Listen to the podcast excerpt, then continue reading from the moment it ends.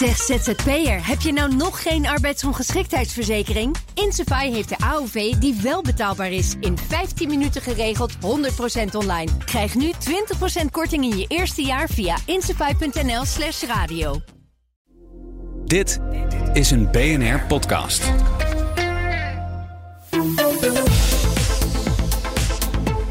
Iedere dag een blik op de wereld en uh, daar houden we gewoon aan vast. Vandaag met onze Europa-verslaggever Geert-Jan Haan. Geert-Jan, goedemiddag. Hallo Thomas.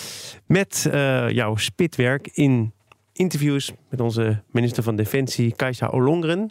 Ja. daar is ze natuurlijk ook minister voor. Ze heeft uitspraken gedaan die jou zijn opgevallen, zijn bijgebleven. Zeker. En, en dan kunnen we nogmaals doorverwijzen naar morgen. Want dan is ze om tien uur een uur lang te gast bij Art Royakkers. Om ook te praten over de oorlog in de Oekraïne, de defensieindustrie, wat doen we allemaal? Maar zij uh, ziet ook een, een, een veranderende wereld. En dan heeft ze het met name over twee grote landen.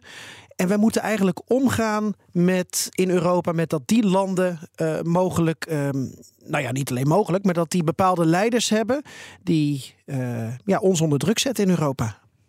I think we are all taking the security threats really serious. We know we have to get Putin-proof.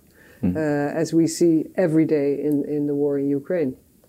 Um, and, and now these well, comments uh, by Donald Trump has made us realize uh, we maybe also have to get ourselves Trump-proof. Ja, de Poetin en Trump-proof is in de padding, al dus uh, minister Ollongren. En, en ze heeft natuurlijk wel gelijk uh, met deze uh, mooie uitspraak.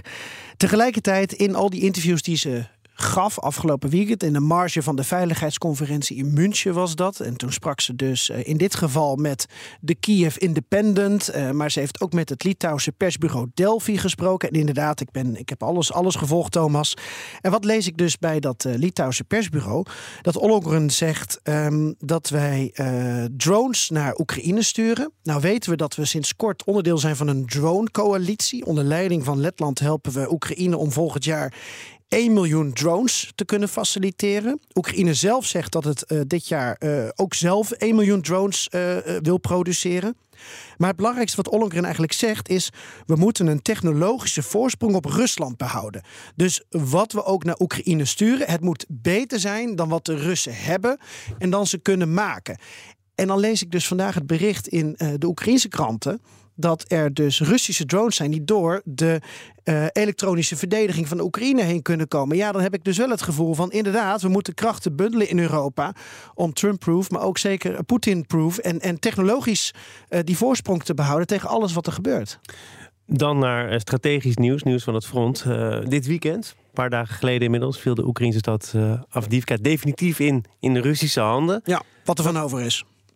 En precies wat daarvan over is. Uh, het legt wel problemen bloot die misschien iets te maken hebben met gebrek aan munitie? Of nog verder strekken dan dat? Dat is het verhaal, gebrek aan munitie. En dat speelt zeker een rol. Maar het is veel meer. Het is ook. Um, ik noem het toch maar even fouten. Uh, ook al staat men onder hele grote druk in de Oekraïne, maar toch fouten aan de Oekraïnse zijde. De lessons, lessons learned in goed Engels van, van terugtrekking uit eerdere steden. En hoe voer je oorlog als je dus eigenlijk zelf in ondertal bent, of misschien minder wapens en munitie hebt dan je tegenstander. Oekraïne heeft zich denk ik toch ook te laat teruggetrokken uit deze stad. Het is niet ordentelijk gegaan. Gebrek aan visie en leiderschap. En um, kijk, je kan als strategie hebben om, om de Russen te slijten. Omdat ze met zoveel zijn en, en zo waardeloos ook met hun mensen omgaan.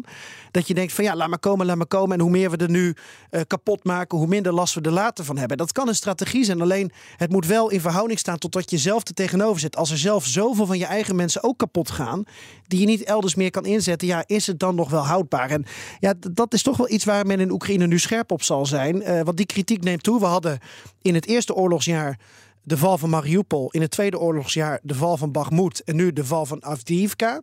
Grote steden waar Oekraïne um, baat bij had om die lang te verdedigen. Zodat de Russen niet op andere plekken grote offensieven konden inzetten. Maar je moet echt kijken, staat het in verhouding tot je eigen leed en um, tot hoe je zelf met je mensen wil omgaan. Er kan natuurlijk ook uh, nog weer een hoop veranderen. Je haalde die veiligheidsconferentie in München al aan. Ja. Waar het natuurlijk wemelde van de statements en de steunbetuigingen. We hebben inmiddels Denemarken natuurlijk uh, met dat offer, dat gebaar gehad. Ja, de wereld kan er heel anders uitzien. Als het allemaal ook echt wordt omgezet in daden. Nou, misschien ben ik dus voor de lange termijn ook best wel uh, optimistisch. Um, en, en kun je ook wel zeggen dat de kandidatuur van Trump voor het presidentschap van Amerika ook een zegen is voor Oekraïne. Iedereen nu al een, sprint naar voren maakt. Omdat Europa nu de sprint naar voren maakt. En dat hadden, ze anders misschien niet gedaan. Omdat ze die urgentie zo ongelooflijk voelen. En ja, we kunnen niet uh, nu geven aan Oekraïne wat we nu niet produceren. Maar als je ziet wat er allemaal in gang wordt gezet met het oog op 2025, uh, dan is het zo, denk ik, dat we nu de situatie in Oekraïne hebben van uh, vrouwen en kinderen eerst tegenhouden, tegenhouden, tegenhouden. Om daar vanaf volgend jaar mogelijk wel profijt van te hebben. En op de lange termijn in, in Oekraïne uh, sowieso. Het is een oorlog die echt nog jaren gaat duren. Misschien wel het hele decennium, uh, Thomas. Dus ja, dan kun je toch maar beter uh, opschalen wanneer het, wanneer het past. En beter goed geïnformeerd zijn. Je zei al, Kajsa Longren morgen te gast in de Big Five bij Art Royakkers. Ja. Maar nog een ander regelmatig terugkerend initiatief BNR. Speciale podcast de alliantie met uh, uh, de mensen die eigenlijk dag in dag uit met uh, Oekraïne en de verhoudingen in Europa en de wereld beter, bezig zijn. Die staan nu in alle bekende geopolitieke podcast-apps van, van BNR. Daar kun je hem vinden. Dus Rob de Wijk, Bernard Hamburg, Floris Akkerman en ondergetekende onder leiding van Lisbeth Staats. met heel veel cynisme en een vleugje optimisme. Toch maar luisteren dan. Geert-Jan, dankjewel.